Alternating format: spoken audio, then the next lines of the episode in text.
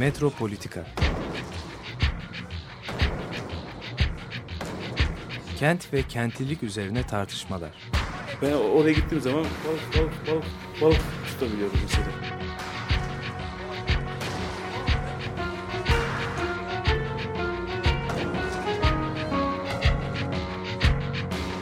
Hazırlayıp sunanlar Aysin Türkmen, Korhan Gümüş ve Murat Güvenç.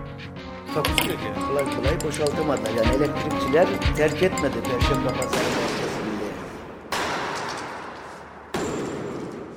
Metropolitika'dan merhabalar değerli Açık Radyo dinleyicileri. Bugün Murat Güvenç ile ben Korhan Gümüş birlikteyiz.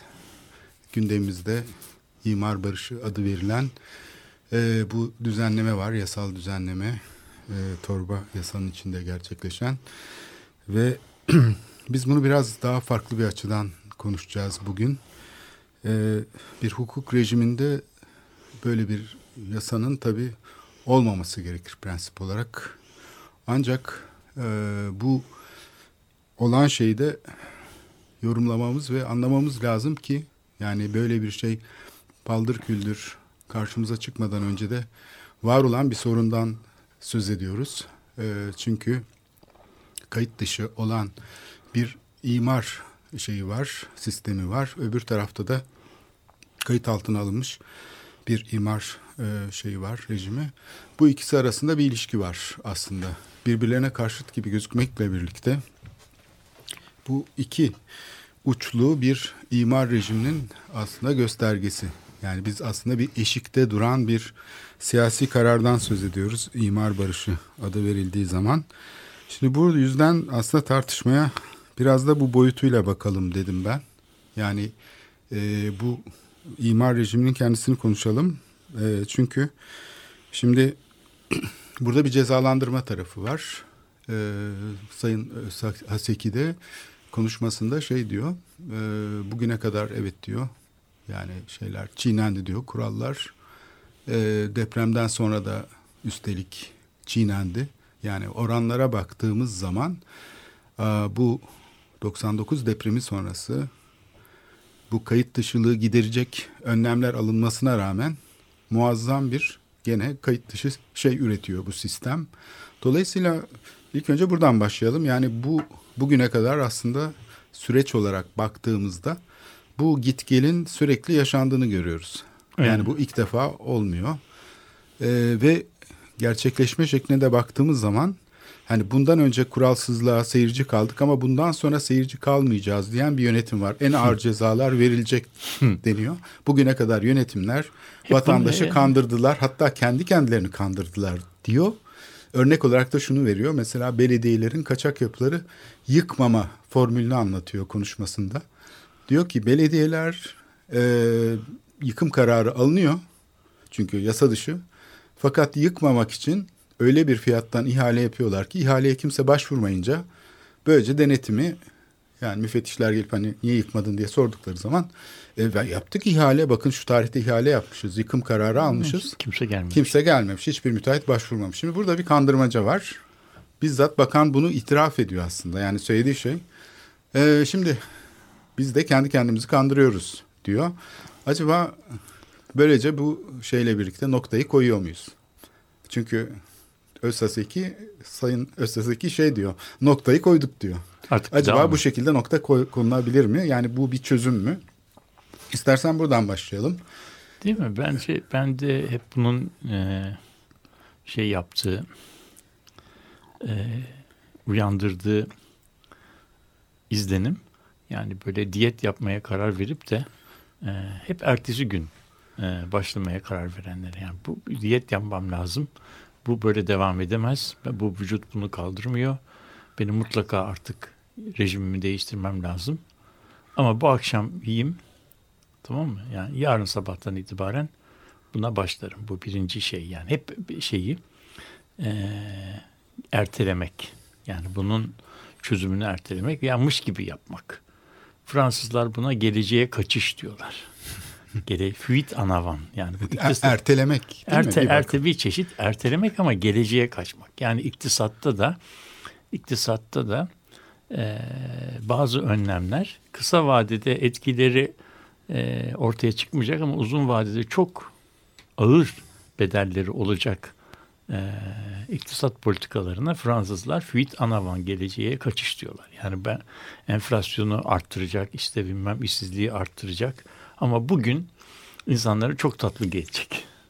Bazı öneriler var ki onlar da genellikle seçim dönemlerinde çok kullanılan e, yaklaşımlar oluyor. Nasıl olsa onun e, bedeli uzun erimde e, ödenecek. Bunu e, eğer o zamanla ortaya çıktığı zaman ben iktidarda olursam bir çaresini bulurum. Ben iktidarda olmazsam ne gam, rakibim bununla uğraşır. Yani bu e, imar e, düzen şeylerinin mesela yapı haklarının artırılması buna benzeyen bir şeydir. Bir sokakta iki katlı imar nizamı varken ben e, insanlara şirin gözükmek, gözükmek için bunu e, iki üç ve iki kattan beş kata çıkarırsam yapı sahipleri bundan memnun olurlar.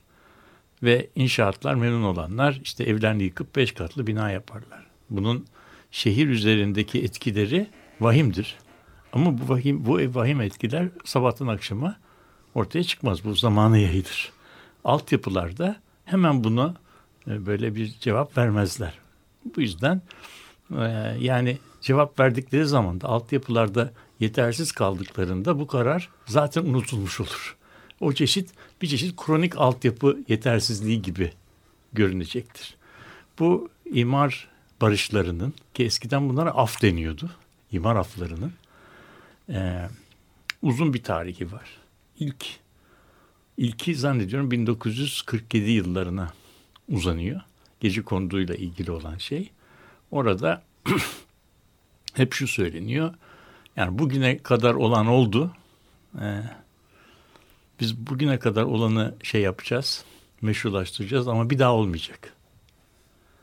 66'da bir daha, 70'lerde bir daha işte en vahimlerinden bir tanesi e, Özal'ın Özal zamanında yapılan e, imar affıdır. Yani bu imar affı çok önemli bir afftır. Çünkü büyük şehirlerdeki siyasi dengeyi de kendi tarafına değiştirecek kadar bir önemli yatırımdır. Yani bugünkü imar barışından filan kapsamı itibariyle çok önemli. Çünkü orada ne yapıldı? Şu yapıldı. Ee, 1940'tan 80'e kadar 40 yıl süreyle iyi kötü yaşam kalitesi arttırılmış, e, donatı alanları artırılmış gece konduların e, çözülmemiş bir tane sorunu kalmıştı. O da tapu. E, Özal da o dönemde bana e, oy verirseniz size tapu vereceğim dedi. Bu da orada yaşayan şeyin e, geniş e, kesimlerin yıllardır beklediği müzmin bir sorundu. O sorunu o sorun çözüldüğü zaman da bunun şeyini e, bedelini hükümet bütün büyük şehirleri hanesine yazarak aldı. Sonuçta ne oldu? Sonuçta şu oldu. 1940 sonrasında e, kullanım değeri üretmek üzere kullanılmış bütün gece kondu alanları e, apartmanlaşarak değişim değerine şey yaptılar. O güne kadar kentsel rantlardan pay alamayan bu nedenle de kentin çeperinde tutulan bölgeler artık kentsel rantlardan pay alır hale geldiler. Bu da tabii Türkiye'deki e, kente bakış tarzımızı çok kökten değiştirdi.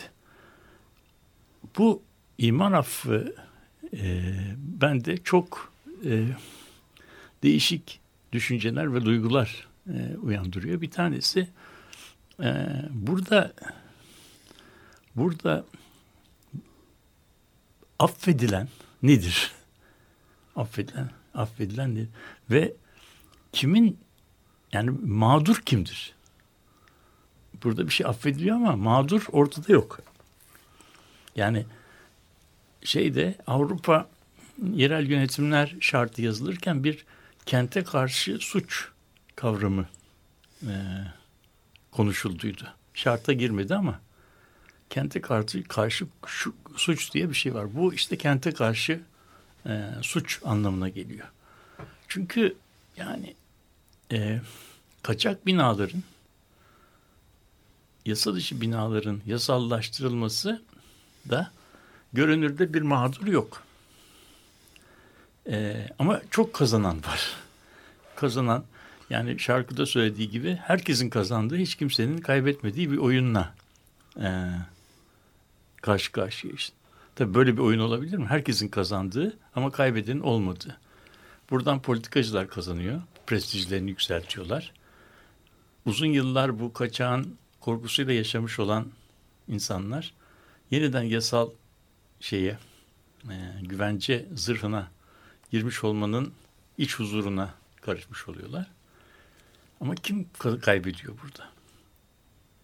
Kaybeden kaybeden var yani de onların onlar bunun farkında değil. Bir, bir ikincisi de kaybedenin hakkını arayacak bir hukuk rejimi yok. Çünkü kaybeden aslında kentin ta kendisi. Evet. Kentin ta kendisi olduğu zaman kentin ta kendisi olduğu zaman bizim insan merkezli hukuk rejimimiz kente karşı suçu şey yapamıyor. Ee, tarif edemiyor. Tarif edemiyor evet. ve ortada bir mağdur mağdure yok. Halbuki mağdur ve mağdure şehirlerimizin ta kendisi. O yüzden ben bu şey konusunda e, böyle düşünüyorum. Tabii birisi de diyecek ki yani senin sırtında yumurta güfesi yok. Sen de sen de şey de yok. Senin emlakin falan da yok. Rahat rahat konuşuyorsun. Ama ben ben böyle bu suç, ben bu suçu işlemedim. İşleyen ben değilim. Ve bu aslında bir üçüncü mağdur da var. O da kurallara uyanlar. uyanlar. kurallara uygun uyan insanlar, e, yasaklara uyan insanlar. E, bu uymamanın e, ödüllendirildiği, uymayanın ödüllendirildiği rejimde e, mağdur oluyorlar. Onların da sesi çıkmıyor. Bu e, bunun nasıl bir toplumu şekillendirdiği konusunda benim çok olumlu duygularım yok. Peki burada şimdi bu açmış olduğun parantezi ben bir şekilde yorumlayayım. Ee, benim de aklımda epey bir şey çağrıştırdı bu söylediklerin. Şimdi keyfi olması yönetimin, otoriter olması zannediliyor ki yani kurallar koyacak ve kurallara uymayanları da cezalandıracak. Oysa ki bu yönetimin asıl ürettiği asimetri, eşitsizlik, e, kuralları uygulamasından değil, uygulamamasından kaynaklanıyor. Böylece vatandaş sürekli korku altında yaşıyor. Yani şöyle bir e, şey var, e, model. Yani e, cezalandırma şeyi e, bir elinde tutarken öbür tarafından da hoş görme, işte müsamaha etme e, kapasitesini kullanıyor. Yani bu sistemin ve böylece vatandaşlar sürekli korku altında yaşıyor aslında. Yani böyle bir durum da var. Şimdi, bir taraftan da beklenti. E, beklenti de var. Fırsatları kullanma. Yani bu aslında şeyi değiştiriyor. İnsanların yani e, kamu hayatına bakışını, siyasete bakışını değiştiriyor. E, siyasetle kurduğu ilişkiyi aslında e, değiştiriyor. Yani bozuyor. Şimdi şöyle bir e, şey yapalım. E, bir örnek vaka anlatayım. Bu gerçekten olmuş bir şey. Ben de tanık oldum. Şimdi bir vatandaş e, sit alanında ama tescilli olmayan bir yapısı var. Cephesini değiştirmiş. Cephesini değiştirmek zorunda kalmış. Çünkü e, şey doğramaları değiştirmesi gerekiyormuş. Doğramalar da zaten demirmiş, çürümüş. Onların yerine yenilerini koymuş. E, bunları yaparken de belediyeye gitmiş. Sit alanındaki belediye, ilçe belediyesine. Belediye başkan yardımcısı tamam demiş. Yap demiş. Karşılığında da bir para almış tabii. Ama yap demiş. Fakat birisi şikayet etmiş. Aynı kişi gelmiş, mühürlemiş. Şimdi iki senedir, üç senedir mülkünü kullanamıyor. Ve işte böyle yanıp tutuşmuş, gitmiş bir yerlere başvurmuş. Sen sus demişler. Ortalığı karıştırma falan. Şimdi bununla bir de hazine arazisini işgal etmiş. Ve bilmem kaç katlı bina dikmiş bir şeyi ele alalım. Şimdi ve hani plan kararlarına uygun olmadan ya da iptal edilmiş bir plan ona bir şey tanınmış, siyasi otorite peşkeş çekmiş bir yer ama sonra meslek odası itiraz etmiş, durdurmuş. Koskoca bir arazi Maslak'ta diyelim. Bununla aynı kefeye konuyor. Bir kere yüzde üç şey alınıyor ya işte imar e, şeyinin Ceza. değerinden bir ceza gibi bir bedel alınıyor kayıt altına almak için. Şimdi burada bir kere eşitsizlik başlıyor. Yani şekilci olan bir işleyiş var. Bir yasak sistemi. E, bu bir kere e, yani yüzde üç demek aslında çok şey yani hukuki anlamda kullanılabilecek bir kavram değil. Niye yüzde üç? O da belli değil. Evet yüzde iki niye değil? Mesela Hı, muhalefet bu durumda ne yapabilir? Yüzde üç karşı çıksa dese ki ben hayır kuralların uygulanmasını istiyorum dese birkaç puan Kaybeder. oy kaybedecek kesin. O zaman Fazla- yüzde iki mi demesi lazım? Hayır yüzde üç fazla. Yani bu yarışa girdiğin zaman zaten genellikle başımıza gelen şey de bu. İktidarlar arasındaki böyle bir şey de var mutabakat. bunun sonu Onun yok. verdiğini sen daha fazlasını ver o zaman. Yani muhalefet bu durumda ne diyecek? Hayır ben imar barışına karşıyım diyemiyor. E o zaman ben de yüzde iki diyeyim mesela. Böyle mi diyecek? Yani bunun sayeden iler tutar bir tarafı yok. Evet.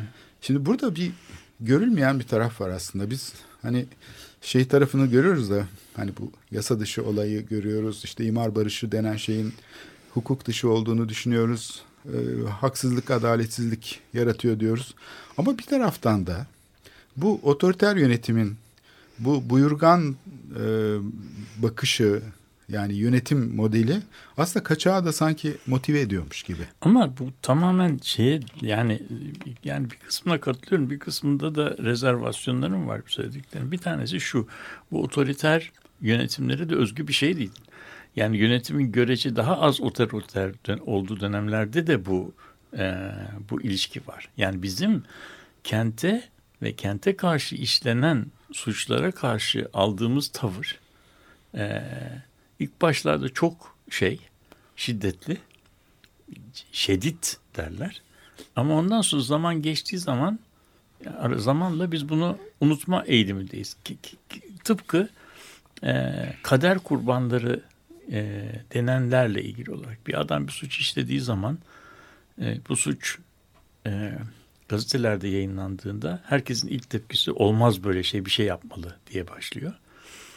Adam yakalanıyor, hapse atılıyor derken 6-7 ay sonra bu adam bu suçtan yani yavaş yavaş arınıyor ve bir kader kurmanı affedilecek bir şey haline geliyor. Yani bu burada yani iki, bir, ikinci verdiğim örnekte bir şey var. Bir bir mağdure var. Onun adına devlet affediyor. Öbürkünde ortalıktaki mağdure de şey belirsiz. Yani kente karşı işlenmiş bir kentteki şey rejimine, e, imar rejimine karşı işlenmiş bir irregülarite. Bunun şeyi yok. Yani sivil toplum olsa, çok güçlü olsa, bunun savunusu olsa bir muhatabı, mağduru olacak. Bu, bu geliştirilen af öyle geniş kapsamlı, öyle e, öyle belirsiz bir şekilde yapılıyor ki e, Boğaz'daki öngörünün bölgesi hariç bütün Türkiye'nin her tarafına geçerli bir şeyden bahsediyoruz. İşte orada da bir tutarsızlık yok mu? Şimdi arkeolojik alanlar var, kültürel miras değeri olan Olmaz yerler var. O- O, zaman bu ayrışma niye? Yani Niye- buradaki seçicilik ne? Bu da keyfiliğin bir göstergesi. Tabii tabii aynen aynen. Şimdi e, zaten e, benim de işaret etmek istediğim şeylerden biri buydu. E, Şeydeki e, bir yönetim modeli var. E, Vatandaşın açığını nereden yakalayabilirim diye bakıyor. Mesela diyelim ki kültür mirası olarak tescillenmiş birinci grup tescilli bir yapının sahibisiniz. Belediye imar şeyinde biliyorsun bir vergi muafiyeti var. E, Bu şey e, vergisi e, bu vergiyi vergiden muaf olma hakkı var. E, belediyeler genellikle otomatik olarak vergiyi tahsil etmeye girişiyorlar. Vatandaşın kendi kendini şey yapması gerekiyor, ispatlaması gerekiyor. Yani benim yapım tescilli işte şöyle böyle. Ama belediye gidince belediyedeki diyor ki efendim diyor pimapen takmışsınızdır diyor. Ya kardeşim ben pimapen takmadım. Nereden çıkarıyorsun bunu? Bulurum ben o pinepeni. Bu- Bulurum diyor bir açığını senin. Şimdi o kadar şekilci ki. Ee, geçen gün bir mimar konuşmacı olarak geldi e, bir toplantıya. Bu adalarda düzenlenen işte şeyle ilgili. e, bu Kültür kültür, miras. mirasının işte envanterinin hazırlanması, modern mimarlık eserleri ve- vesaire bu alanda çalışan bir e, tanınmış mimar geldi ve e, şeyi e, cadde kenarındaki işte parapeti duvarı şeffaf yapmış. Çünkü kaldırımda yürü- yürüyen insanlar deniz manzarasını görsün diye gayet de modern, düzgün şey yapmış. Yani burada bilinçli olarak bunu gerçekleştirmiş. Belediye başkanı tutturuyor efendim diyor siz diyor onun yarısını beton yapacaktınız. Onun üzerine parmaklık koyacaktınız. Bu diyor şeye aykırı. Mevzuata aykırı. Hadi al sana bakalım kaçak.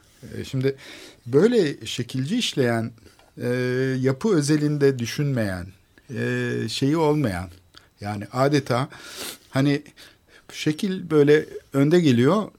Oradaki fikir işte belki hatta daha yararlı bir iş yapmış. E, kültürel mirasın e, korunması için belki daha değerli bir e, iş yerine getirmiş. Öyle süslememiş, şey yapmamış falan.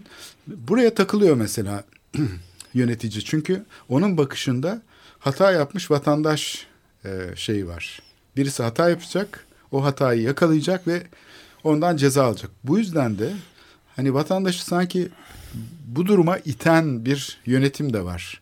Kuralları çiğnemeye iten bir e, yönetim var. Yani kayıt dışına itilmenin de aslında bu tepeden bakan, buyurgan, işte kültürel mirasın korunmasını mesela tamamen şekilci normlar altında düzenleyen bir şey var. Yani şunu sorayım. Mesela bugün gerçekleştirilen koruma planları olsun, imar planları olsun. Bunlar şehirsel hareketliği ne ölçüde temsil edebiliyor? Bu soruyu sormuyoruz. Yani bu şeyi konuştuğumuz zaman imar barışı denen olayı biz genellikle olayın öteki tarafından bakıp kötücülleştiriyoruz. Yani bu tamam kötüdür. E bunda mutabıkız. Yani bir hukuk şeyinde bu olmamalı. Ama oluyorsa o zaman daha soğukkanlı davranıp acaba bu sistemin içinde bizim görmediğimiz bir şey daha var, olabilir mi diye bakmamız lazım. Çünkü görmemek de aslında eksiklik değil. Çoğu zaman edinilmiş bir yetenek. Yani kamu kendisini merkeze koyuyor, doğruyu ve yanlışı kendi başına tanımlıyor. Katılımcı olmayan bir şekilde ve ondan sonra da vatandaş hayatını sürdürebilmek için bir takım yollar deniyor. Bu işte masum olan şey sonunda da çok büyük eşitsizliklerin olduğu, gayrimeşru kazançların olduğu başka bir sistemi besliyor. Böylece bu şeyin perdeleniyor. Yani yoksa çok e, eşitsiz bir durum ve insanlar buna itiraz ederler. Yani herkes aynı güzel imar affı çıktı biz de rahatladık diye düşünmez. En azından mağdur olan kesimin sesi çıkar. Ama bu sistemde kimsenin sesi çıkmıyor. Çünkü herkes kamu benim bir yerden açığımı yakalayacak bir şey olacak diye sessiz kalmayı tercih ediyor. Yani haklarını savunamıyor. Kendisine bir yüklenmiş bir takım görevler var. Olayın sadece bu tarafını görüyor. Oysa ki kamunun da görevleri var. Ve vatandaşın da hakları var. Yani kamu aslında bir koruma uygulamasında ya da bir projede vatandaşa yardımcı olmalı. Yani bunu yardımcı olmak demek göz yumak anlamda söylemiyorum. Kurallı bir gelişmenin olması için planların öyle tek bir boyutlu değil belki süreç olarak geliştirilmesi lazım. Farklı katılım yöntemleri var. Yani dünyada mesela böyle bir plan yapılıyorsa bir yerde orada mahalli bir büro açılıyor. Çeşitli gruplar buraya şey tekliflerini getiriyorlar. Nasıl bir çalışma yapacaklarını. Kamu bunları destekliyor. Yani bir müteahhite işi vermek yerine bir alanın rehabilite edilmesi için, gelişmesi için e, planlama süreci çok daha canlı bir şekilde insanların için, içine katıyor. Buradaki planlama yöntemi ise daha çok sistemi yani yaşayan bir sistemi alıp öldürüp tekrar geri iade etmek gibi yani o kuralları bu şekilde tanımlıyor. O zaman da itiraz edecek kimse kalmıyor. Çünkü yani güçlü bir sivil toplumda olabilmesi için bu işin bir dengesinin olması gerekiyor. Yani şeyin kamunun kural koyma e, şeyinin e, tek taraflı oluşmaması lazım. Bunun içinde e, kendi yapması gereken işler de var kamunun. Ama tamamen bürokratik bir şekilde kendisini merkeze yerleştirmiş. Böyle e, bir e, şey olduğu zaman nasıl benim elime düşecekler diye bakan bir kamu. Yani mutlaka bir kaçak bir şey yapmışlardır. Ben onun açığını nereden yakalayabilirim? Şimdi bu aslında bu sistemi pekiştiren bir şey. Yani ben imar barışı denen şeyin neyi tesis ettiğini bana sorarsan aslında e, insanları nesneleştirici bir planlama modelini, bir kentsel gelişme modelini tesis etmek için aslında üretiliyor. Çünkü bu şekilde işlediği takdirde e, vatandaş e, şey oluyor yani sessizleşiyor, edilginleşiyor. Devlet bu. İstediği zaman sever, istediği zaman döver gibi. Böyle çok otoriter bir devlet anlayışına doğru kayıyoruz. Yani asıl kaybettiğimiz şey demokrasi. Yani bunu da söylemek lazım. Tabii bir de şöyle bir şey de var. Yani ben su havzalarına bina yaptıysam ve benim binam bu yolla av affediliyorsa bu bir, bir diyelim mü imar barış? imar bir e, barışı.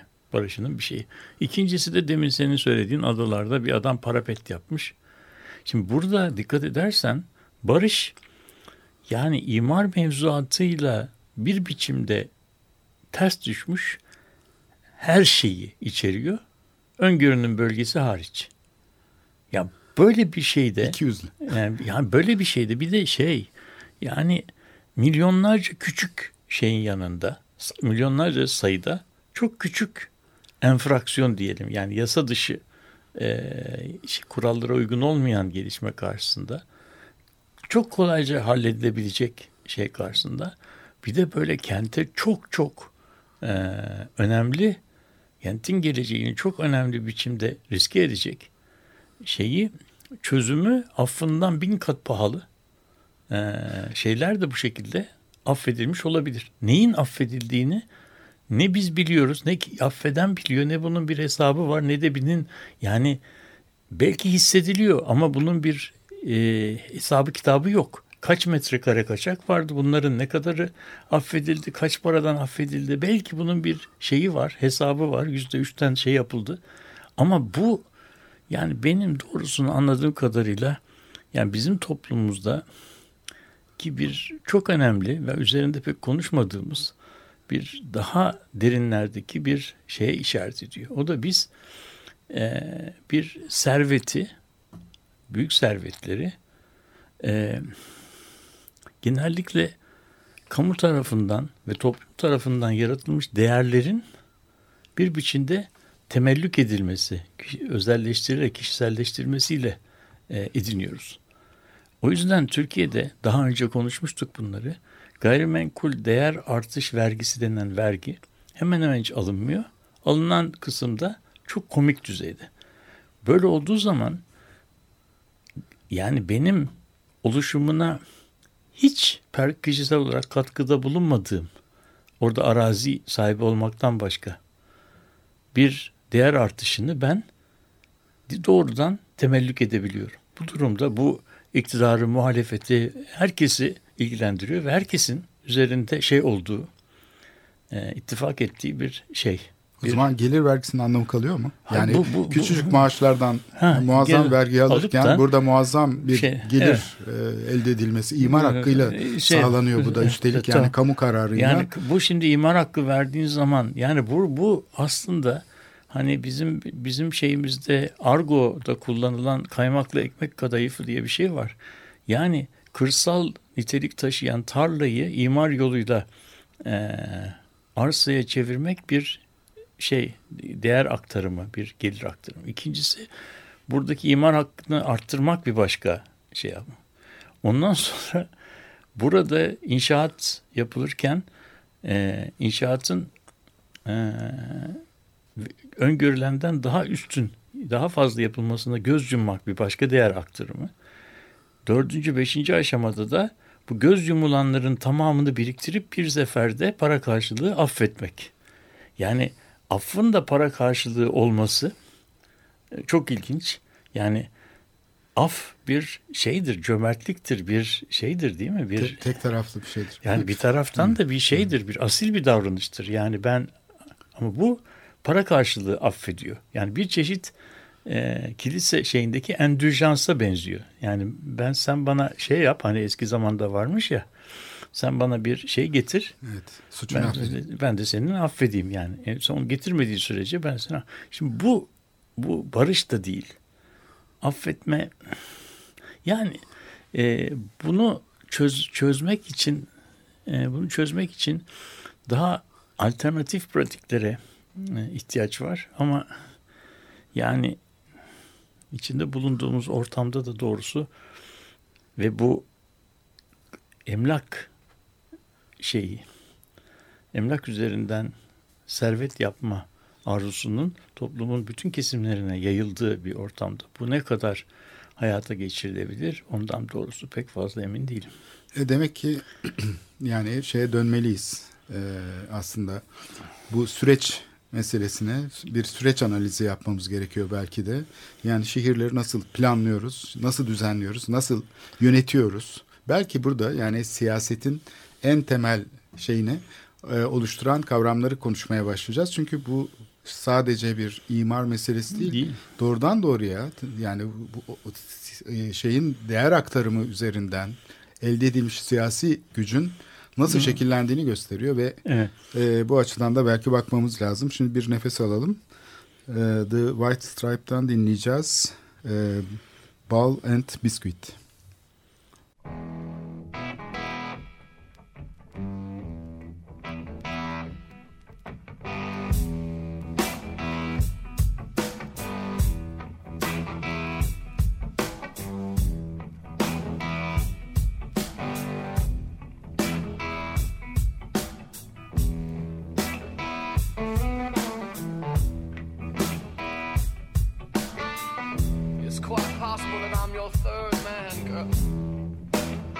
it's a fact that I'm the seventh son.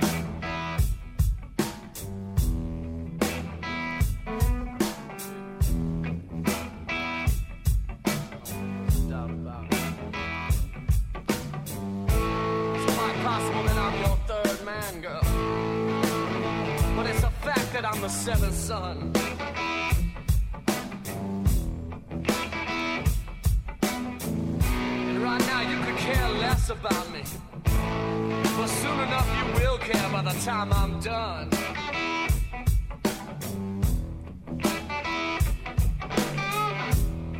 Let's have a ball and a biscuit, sugar. And take our sweet little time about it.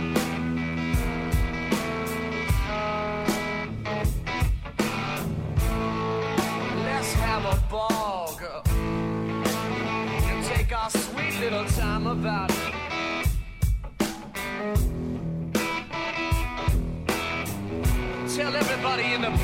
Just get out. And we'll get clean together. And I'll find me a soapbox where I can shout it.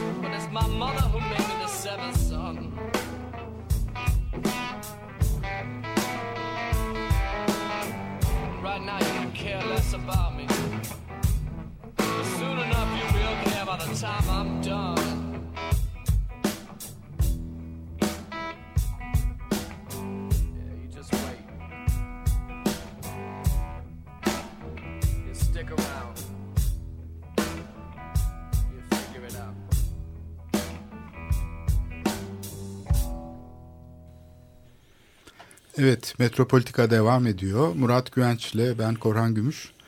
İmar Barışı adı verilen yasal düzenlemeyi konuşuyoruz bu programda. Şimdi bu e, söylemiş olduğun e, şey benim hep düşündürüyor. Yani bu da affediyoruz diyor ama arkasında örtük bir bagaj da var. Mesela bakanın konuşmasında e, diyor ki yani tamam diyor biz kayıt altına alıyoruz bu yapıları yıkılmadıkları sürece. Ama aynı zamanda da diyor eski kurallar yani kurallar neyse onlar da değişiyor aslında değiştirilebilir. Çünkü zaman içinde belediyeler o düzenlemeleri yapacaktır. Ama o, o kurallar geçerli olacaktır diyor. Şimdi burada da bir aba altından sopa göstermek gibi bir şey var. Yani size hani böyle gülümsetiyor ama Ha, yapan- kontrol gene bende diyor. Yani Tabii, istersem gene diyor seni şey yaparım eski durumuna düşürebilirim. Yani burada da gene bir seçicilik var. Evet. Ne kadar ne kadar yani işte bilmiyorum. Ya bu Kelime- tavırın ke- ke- içinde kelime- bir şey var. Yani bir içinde bir paradoks var. Hani Evet. dedin ya başta bugüne kadar yapılanlara göz yumduk. E, bugüne kadar sen yönetimde değil miydin? Niye mesela dün vazgeçmedin? E, beş yıl önce vazgeçmedin değil mi? Madem ki senin aldığın kararla düzenlenebiliyor. Yani burada bir temsil iddiası var. Sanki sayeden dünyayı tasarlayabiliyormuş gibi konuşuyor siyasetçi. Hani bugüne kadar tamam göz yumduk. Yani istese 5 sene önce de demek ki kuralları uygulayabilirdi. Evet. Çünkü ne diyor? Ben bunu burada nokta koyuyorum ve bundan sonra kuralları uygulayacağım diyor. Şimdi bu ne kadar inandırıcı diye hemen bir soru işareti İşte takılıyor. tabii yani mesela buradan yani bizim e, yani bizim be- benim açımdan en e, aydınlatıcı, en fazla üzerinde durmamız gereken e, kent tarihi denen şey. Şimdi mesela Türkiye'de gece kondu niye ortaya çıktı? Bu soruyu soralım. Gece kondu niye? Şimdi bunu bunun bin tane açıklaması var ama biraz süreç incelemesine gittiği zaman Türkiye'de gece kondu oluştuğu zaman e, gece kondu süreci oluştuğu zaman uygulamadaki belediye kanunu yapı ve yollar kanunu denen bir kanun var. İmar. Kaç işlemi. yılında çıkıyor? Ya bu yapı yollar kanunu 1934'te filan. Ama e, imar kanunu dediğimiz 1958'te 58. tamam. Şimdi- Ama ondan evvelkinden bahsediyorum. Ha. 40'lı yıllarda yapı ve yol. Şimdi burada bu kanun, yapı ve yollar kanunu denen kanun aslında bir kanun değil. Almanya'daki bir şehrin imar yönetmeliği. Yani Almanya'daki bir şehrin imar yönetmeliğini almışlar. Tamam mı? 1934-30'lu yıllarda. kanun yapmışlar. Kanun yapmışlar. Böyle olduğu zaman bu kanun modern bir şehrin nasıl olması gerektiğini madde madde anlatıyor. Ve mesela burada öyle kanuna, öyle maddeler var ki 400 metreden daha küçük parsel olamıyor. Tamam, imar Mümkün mü bu? İşte- Yani, hayır, yani- şehre bakınca Ha, mümkün tam- değil. hayır, şimdi o, eskiden yani 1945'e kadar Türkiye'deki kentleşme hızı çok düşük. Ankara haricindeki bütün şehir, şehirlerin nüfusu artmıyor.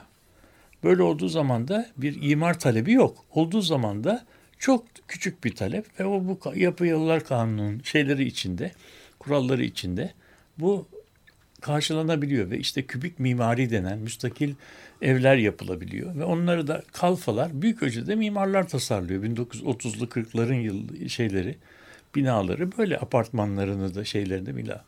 Şimdi gel gelelim gece kondu talebi ortaya çıktığı zaman yani kente gelen geliri olmayan kırda barınamayan kentten başka gidecek yeri olmayan insanların konut ihtiyaçlarını yapı ve yollar kanunun çok dar ceketi üzerinden şey yapmak, karşılamak mümkün değil. Bunun en bar- bariz, çarpıcı örneği şu. 1953 yılında Ankara'da bir imar yarışması yapılıyor. Bu yarışmaya jüri olarak Sir Patrick Abercrombie İngiltere'den e, davet ediliyor. Abercrombie Londra'nın 1945 yılında yapılmış olan bu içinde yeşil kuşaklı olan planını çizen adam. Adam da jüri üyesi. Ankara için hazırlanan şartnamede haritalar var. Satın aldığın zaman haritaları görüyorsun. Bu haritalarda gece kondu yok. Yani gece kondu kuşağı, kuşağı denen haritalanmamış. Yani şehrin neredeyse yüzde kırkı haritada yok. Yani yüzde altmışı için plan yapılıyor. Yüzde kırk haritaya bile. E peki yani biz demek ki 1950'lerin başında o gece kondu dediğimiz kuşağı e, ne algılayabiliyoruz ne temsil edebiliyoruz. O kuşak yok. Resmen yok. Ve planlarda da işlenmiyor. Ya bunlar Tabii, tabii, görülmüyor. Görülmüyor. Şimdi görülmeyen şey ama var. Yani bizim söylemimizde, temsil çerçevemizde yok ama var. O zaman bu kuşak kendini nasıl ifade ediyor?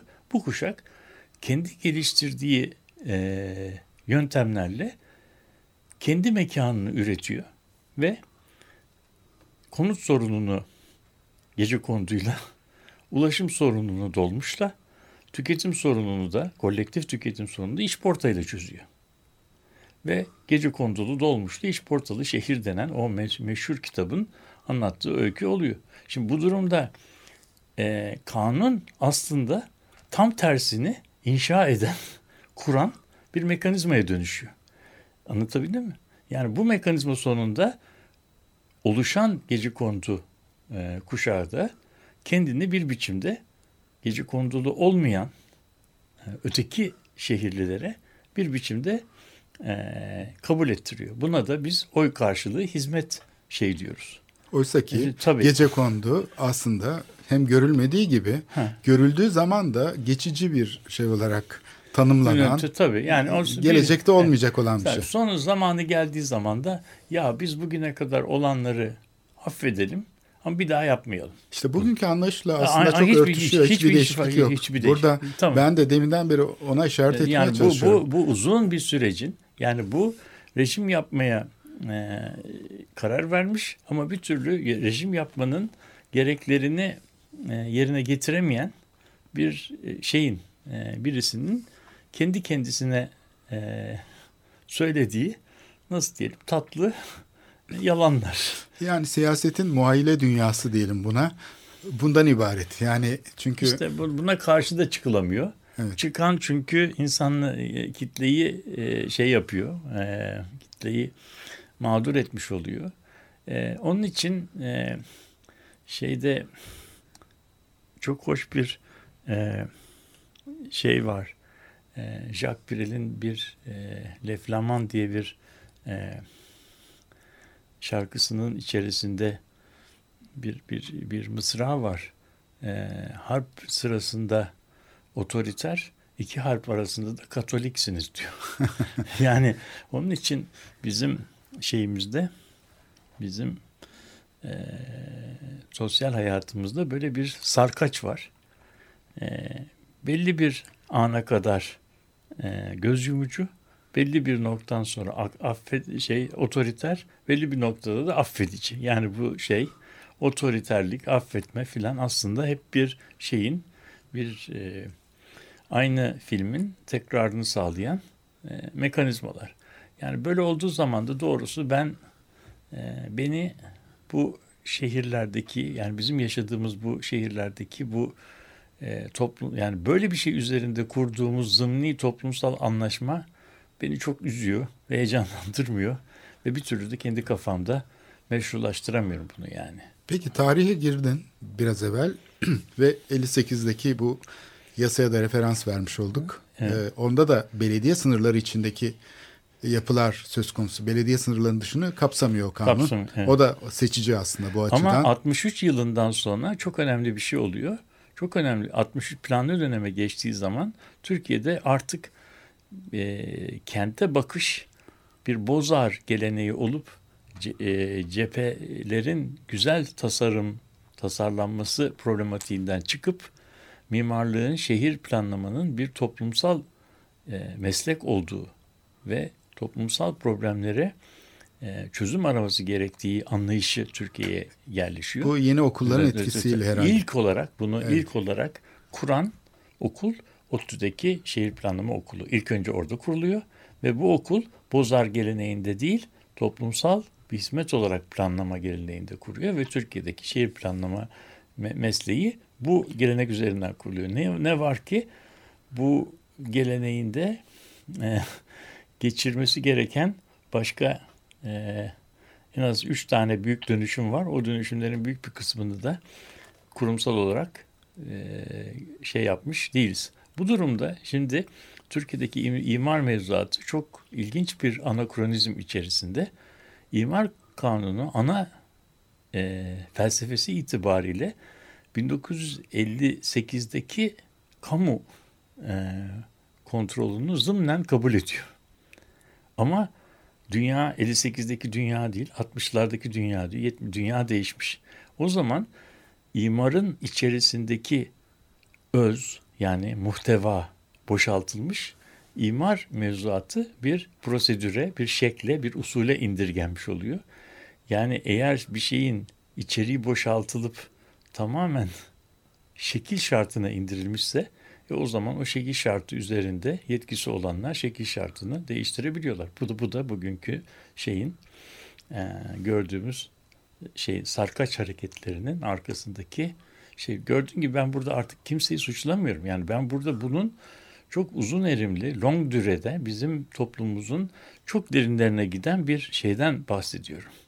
Yani bir uzlaşıda. Yani başka herhangi bir e, konuda imar afları kadar toplumsal bir uzlaşma sağlanamıyor.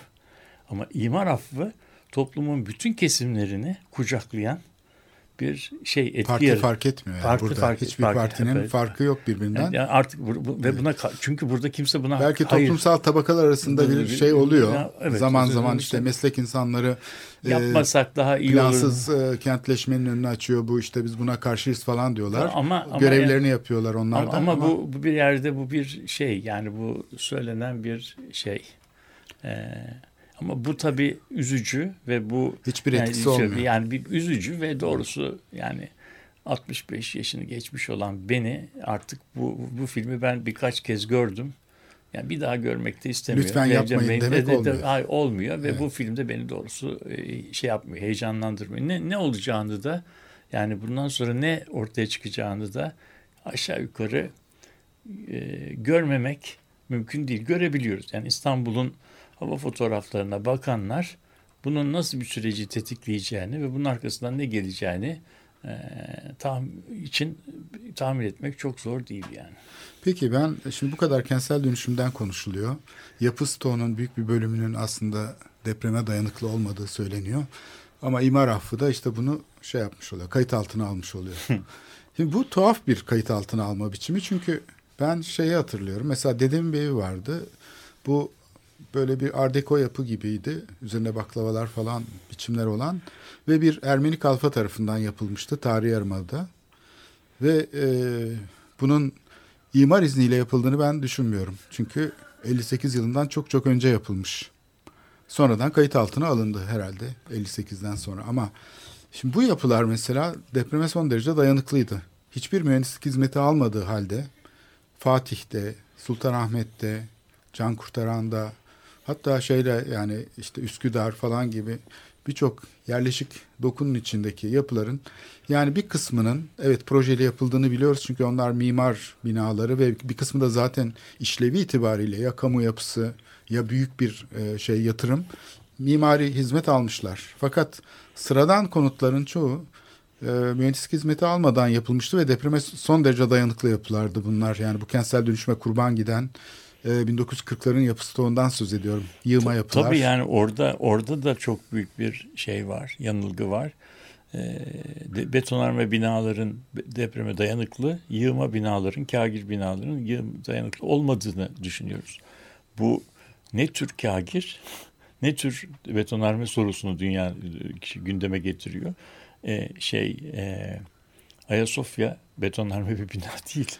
Değil mi? risk analizi yaparken Evet, binanın yani- yaşına bakıyorlar. Evet, evet. Binanın yaşına göre o formu gördün mü sen? Evet. E, Orada yaşı yazıyor ve yaşı da e, etkileyen e, faktörlerden biri binanın çürüklüğünü. evet, evet. O zaman Ayasofya herhalde İstanbul'daki en çürük yapı olması gerekir. E, ve işte e, değil mi? Yani Bozdoğan atlatmış. su kemerini düşünelim. Veya Dikili Taş'ı düşünelim. Yani Dikili Taş yani ben her zaman onun yanından geçerken inan hayretler içerisinde duruyorum. O kütle oradaki dört tane 20'ye Bronz. 20'lik kü- bronz kübün üzerinde nasıl durur? Ve nasıl yerleştirilmiş tam düz olarak değil mi? Nasıl, Vinç yok. ve nasıl durmuş o kadar bin sene değil mi? Yani şi- Evet. şimdi buralarda buralarda demek ki e, demek ki yapacak yani toplumun aslında e, bildiği görmek istemediği bir sürü şeyler var. E, ama bu şey imar afları bize bunu görünmez kılıyor. Bir de bu görünmez kılmanın ödülleri de var. Yani herkes bundan mutlu oluyor. Herkesin mutlu olduğu dönemde de işte açık radyoda bizler böyle şey yani birazcık pişmiş aşağı su katar e, tarzda konuşmuş oluyoruz. E, ama ben doğrusunu söyleyeyim yani şahsen bu yolun iyi bir kentle ilgili olarak çözdüğünden bin kat daha büyük problemlerin başlatıcısı olduğunu düşünüyorum. Çünkü böyle bir e, rejimde kente ilişkin yasaların inandırıcılığını savunmak, meşruiyetini savunmak ve herhangi bir kontrolü savunmak giderek e, imkansızlaşıyor. Yani yasaları, kuralları çürüten bir yani rejim. kural kavramını, kural kavramını evet. altına uyuyor. Yani böyle bir şey. Yani bu, bu var ama yarın öbür gün nasıl olsa bunu affederler şey olur. Peki buradaki yani şimdi ben en son gene kapatırken programın sonuna geldik. Bakanın konuşmasında gene ortaya attığı bir argüman var. Ee, o bu şeyin e, kuralların yeniden tesis edileceğini söyledikten sonra ayrıca e, bu şeyin e, bir başlangıç olacağını ve burada siyasetin sorumluluğu olduğunu söylüyor. Yani bizim diyor siyaset aracılığıyla çözümler bulma sorumluluğumuz var diyor. Ama çözüm olarak da getire getire bunu getiriyor. İşte bu, bu, bu çözüm bu, değil sorun diyebilmek istiyorum. Yani evet, bu, bu, lütfen yani siz de bizi aldatmayın. Madem kandırdılar yani bu, bugüne bu, kadar bu şey. çözüm bu evet. çözüm e, var olan sorundan daha büyük bir sorun bence. Evet yani program bence bu şekilde sona ermesi iyi oldu. Ee, bakanın sözlerinin aslında kendi içinde nasıl bir paradoks içerdiğini, çözümün evet. aslında kendisine sorun olduğunu işaret, işaret ettik ve böylece de zamanımızı tamamlamış olduk. Herkese iyi haftalar diliyoruz. Hoşçakalın. Kolay gelsin.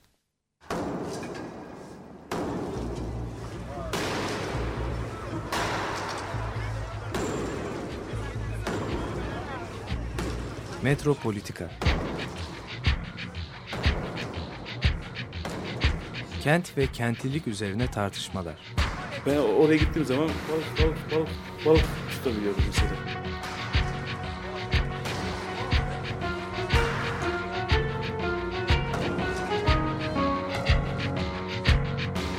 Hazırlayıp sunanlar Aysin Türkmen, Korhan Gümüş ve Murat Güvenç. Takusuyor yani. Kolay kolay boşaltamadı. Yani elektrikçiler terk etmedi Perşembe Pazarı Açık Radyo program destekçisi olun. Bir veya daha fazla programa destek olmak için 212 alan koduyla 343 41 41